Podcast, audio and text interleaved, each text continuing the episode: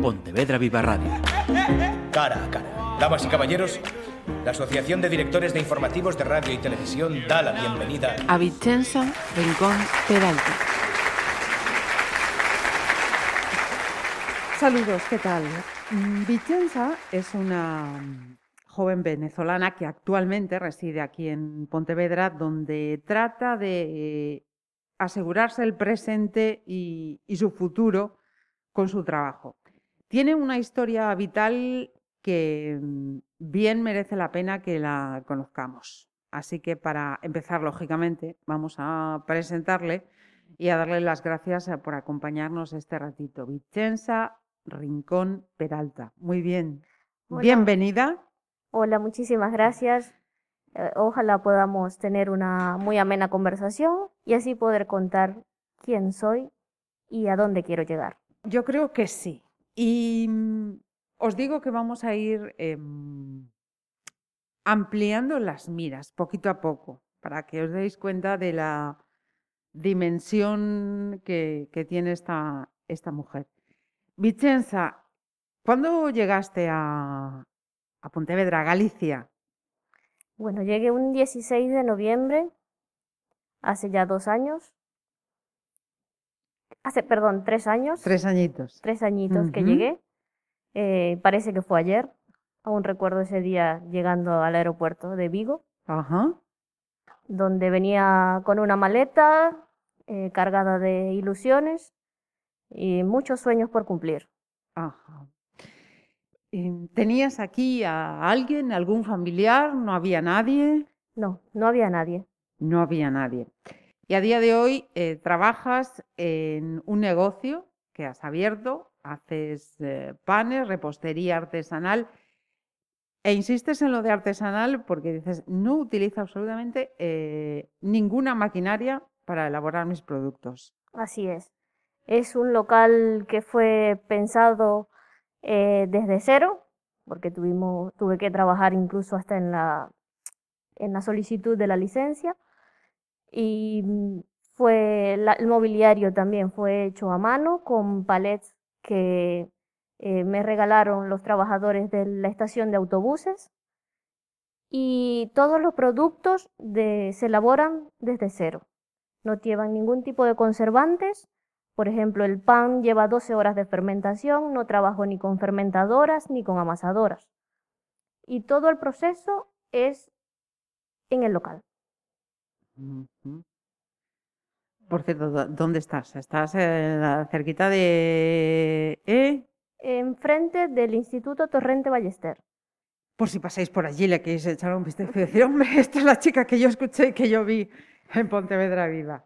Vale, em, un primer bloque de preguntas. Nos hemos eh, situado. Una joven venezolana que llega a Pontevedra, a Galicia, para labrarse un presente y un futuro. Damos otro pasito más. Eh, Galicia fue el, primer destino cuando dejas aquel continente, Vicenza. ¿Por qué? Sí, fue Galicia, por una simple razón. Una señora cuando yo tendría entre 7 o 8 años, me regaló un libro de postales. Y ese libro era de la Catedral de Santiago. Esa señora que nunca me conoció.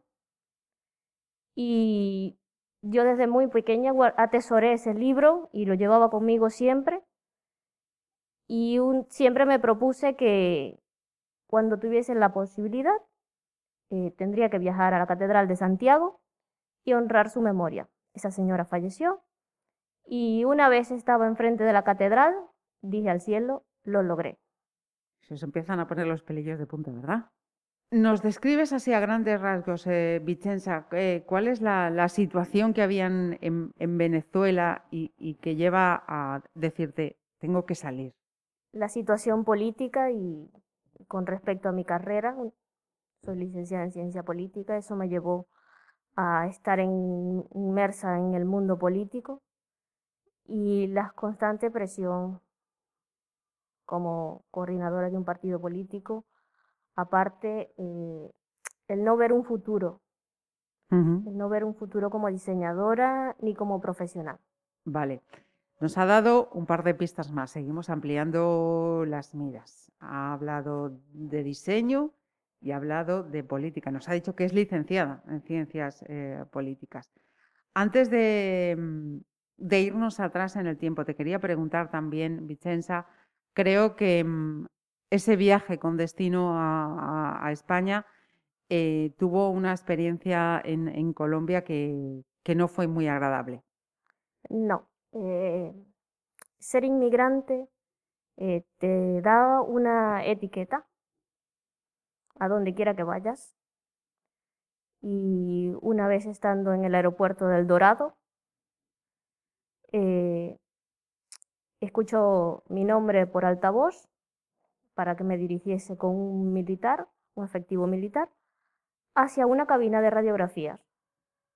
Me hicieron una serie de radiografías y me devuelven mi pasaporte para que vaya a la cabina de embarque. En ese momento le pregunto al funcionario por qué me eh, escogen a mí. Solamente dijeron mi nombre y me dicen por el simple hecho de ser venezolana. Eso para mí fue un golpe durísimo. Eh, eh, desde el primer momento en que llegué a, Colombia, deseé eh, partir, porque no quería estar en Colombia. Aunque es un país hermano, no nos ven con buenos ojos. Y sé que al venezolano, en cualquier parte del mundo donde está, unos lo ven con buenos ojos y otros no tanto. Nunca deberíamos juzgar a un inmigrante.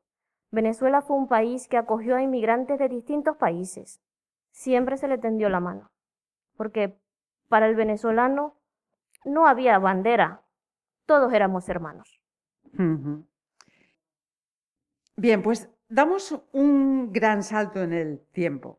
Eh, Vicenza, tú eres del estado de Zulia. Dime, lo estás pronunciando fatal, así no, así sí. sí, soy del estado Zulia, oriunda de la costa oriental del lago. Ajá, una, una referencia.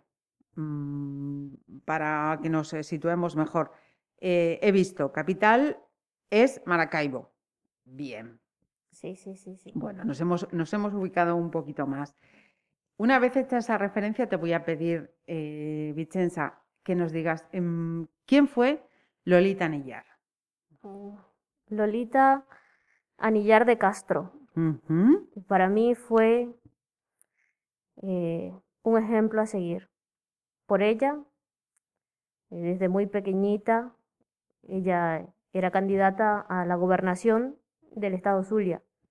Fue la primera mujer gobernadora. Fue la primera mujer elegida diputada del Congreso. Eh, era licenciada en ciencia política.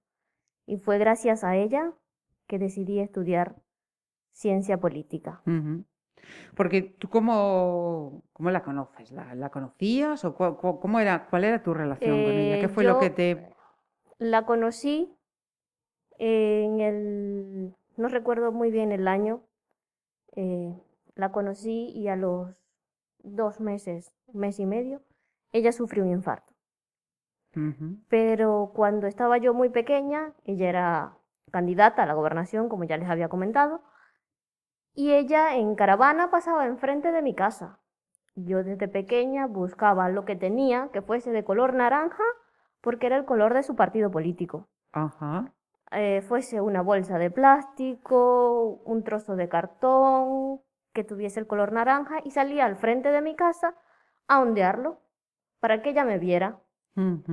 Y cada vez que ella hacía caravanas, yo hacía lo mismo. Ese fue desde muy pequeña mi acercamiento a la política. Esta historia, este, esta parte de historia que nos has contado es la que te lleva a licenciarte en, ciencias políticas.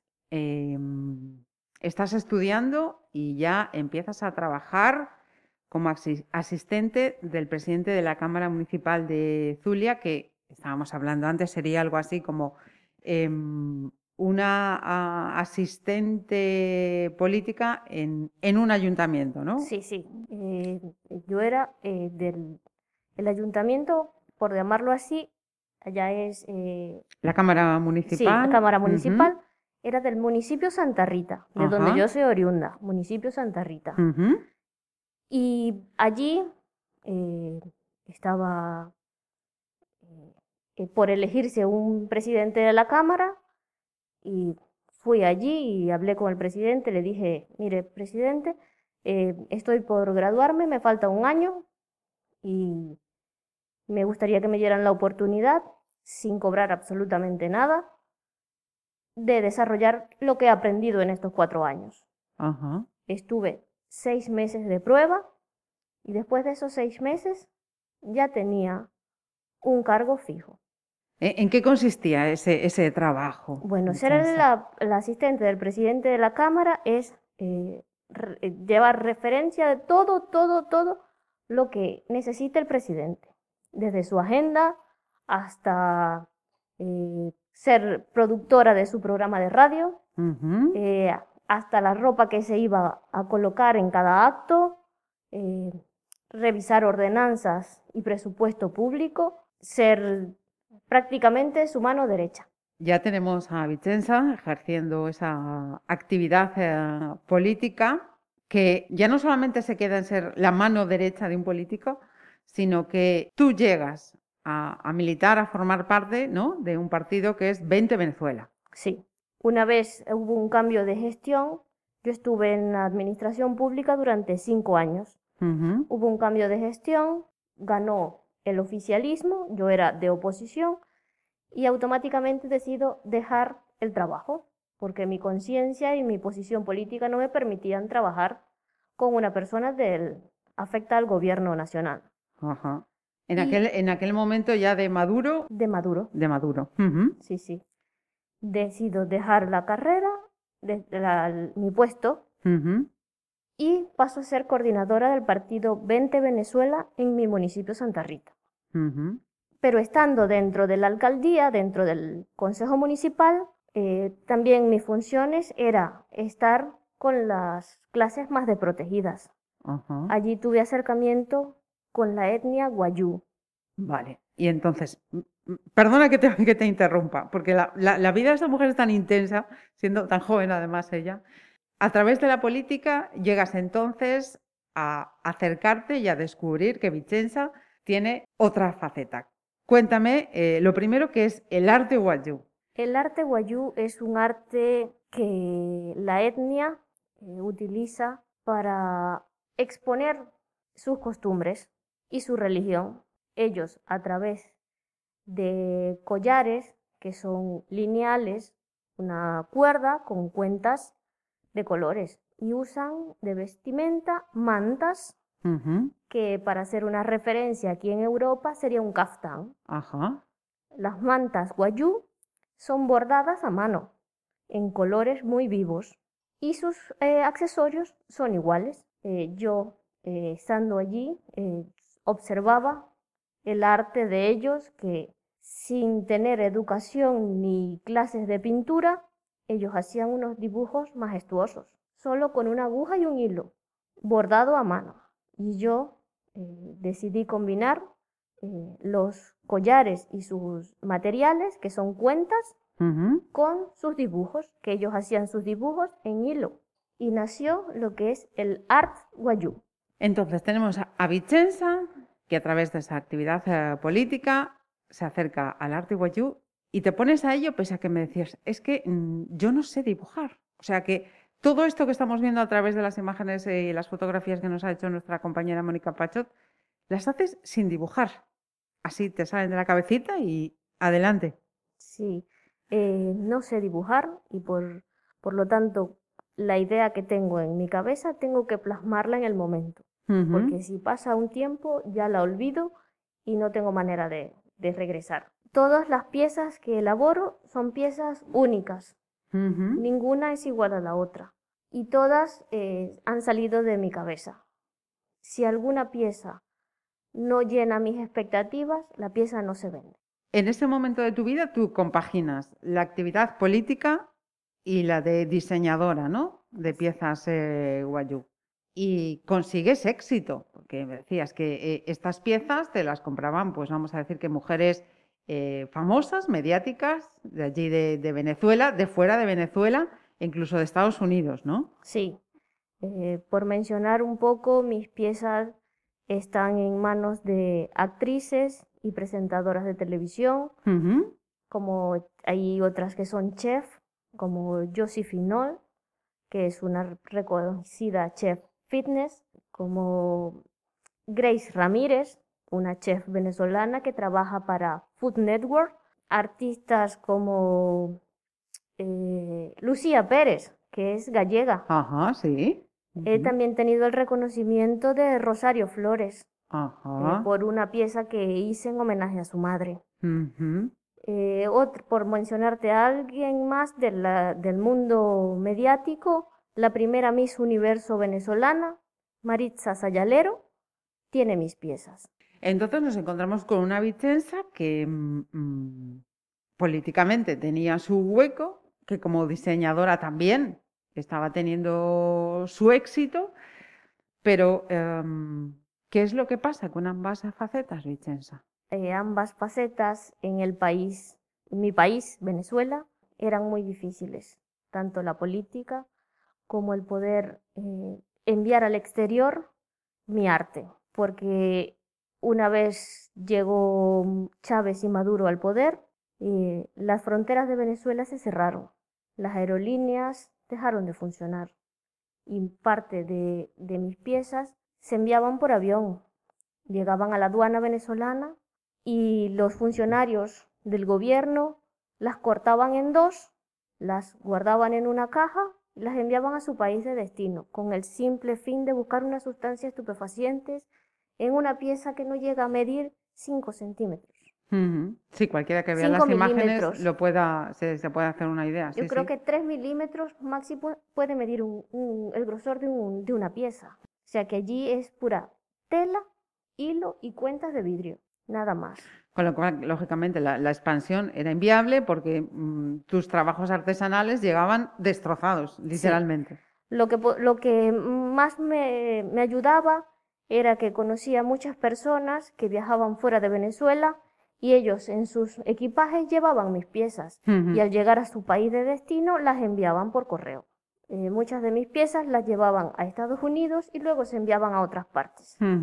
Eh, nunca pensé, estando en Venezuela, que una de mis piezas llegara a Noruega. Caramba. Sí, Ujú. así como es Noruega, Brasil, Estados Unidos, Canadá, Hong Kong, infinidad de países pude Ajá. llegar estando dentro de Venezuela, pero gracias a la ayuda de amigos que me hacían posible que esas piezas pudiesen llegar.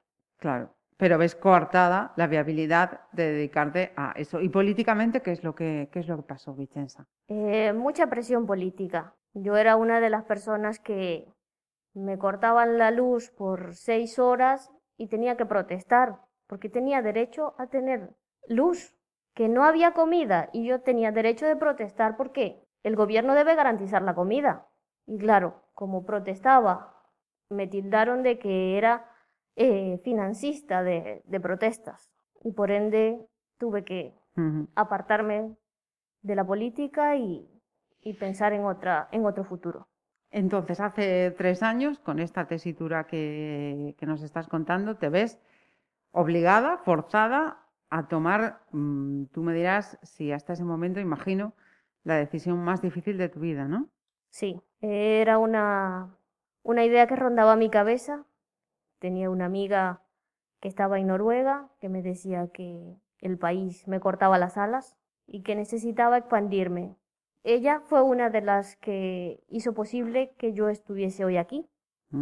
Y, y pues sí, el, el país, eh, aunque es hermoso y impresionante, eh, está gobernado por inútiles que cortan los sueños de la juventud venezolana. Volvemos al presente. ¿Cómo te sientes actualmente, Vicenza? Podría decir que me siento satisfecha. Eh, pude cumplir uno de mis más grandes sueños, que era conocer la Catedral de Santiago. Cuando comencé a, a diseñar, siempre dije que hasta no ver mis piezas en las más grandes artistas venezolanas y poder ir a la televisión, no estaría tranquila. Y en menos de cuatro años pude ser entrevistada de televisión y pude tener entrevistas con las más prestigiosas eh, periodistas venezolanas como Laura Castellano de CNN. Mm. Y hoy, estando aquí, frente a este micrófono, frente a ti, puedo decir que me siento realizada. Te iba a preguntar, ¿te consideras luchadora? Vamos, es más que obvio. Más que obvio. La pregunta sobra. Me considero emprendedora. Eh, ¿Es posible, eh, dada la situación, eh, que tengas mm, contacto con tus familiares, con tus amigos allí en Sí. Venezuela? o- Sí, sí. Que La tecnología nos acerca. Cada día puedo hablar con mi, mi madre y mi padre, con mis hermanos y con mis amigos, que Ujú. algunos están todavía en Venezuela y otros están regados por el mundo. Ajá. Mira, ¿y, y cómo te organizas? eh, porque entre hacer panes, hacer pasteles, hacer estos collares, ¿de dónde sacas el tiempo, Vicenza? Bueno, eso es lo que menos tengo, tiempo. Quisiera que el día tuviese, no sé, 36 horas para poder hacer todo lo que tengo en mi cabeza. Pero eh, se saca el tiempo, Ajá. ¿sabes? Cuando tengo una idea en la cabeza, hasta no tenerla materializada, eh, no me, no me quedo tranquila. Eh, por ejemplo, los panes, saliendo de aquí, voy a casa a hacer todo lo que tengo pedido para mañana. Ajá. Eh, porque la mayoría de las cosas, de las tartas, se elaboran bajo pedido. Y si tengo alguna idea de un collar, Ya. ya.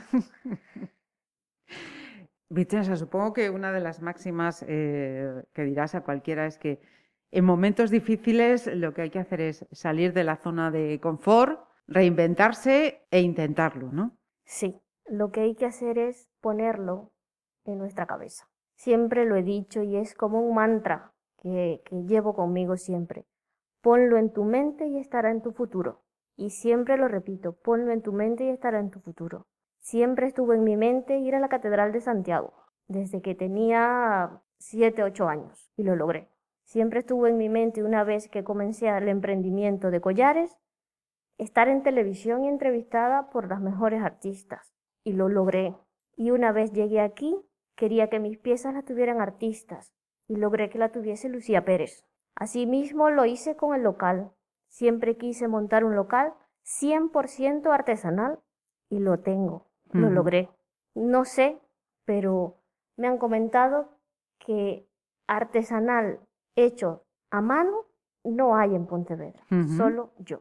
Pues eh, yo creo que eso ha sido una charla, espero que sirva pues para mm, romper prejuicios, para aprender de la experiencia, de venirse arriba, como se suele decir en España cuando aprietan las ah, adversidades y querer es poder. A veces se hace muy, muy cuesta arriba, pero esa actitud que tienes de verdad, Vicenza, es más que envidiable. De verdad, de corazón, muchísimas gracias y muchísima suerte. Gracias a ti por darme esta ventana de poder eh, contarle al mundo y a los pontevedreses quién es Vicenza. Y, y antes de, de terminar, también tengo que dar otras gracias a Rafael, que también está aquí. No, no lo habéis oído, no lo veis, pero ha sido quien ha hecho posible que tengamos conocimiento de la, de la historia de Vicenza. Muchísimas gracias a los dos. Pontevedra Viva Radio. ¿Me permiten que les haga un comentario como espectadores del programa Cara a Cara? Según un reciente sondeo de mercado, ustedes disponen de estudios e inteligencias superiores a la media.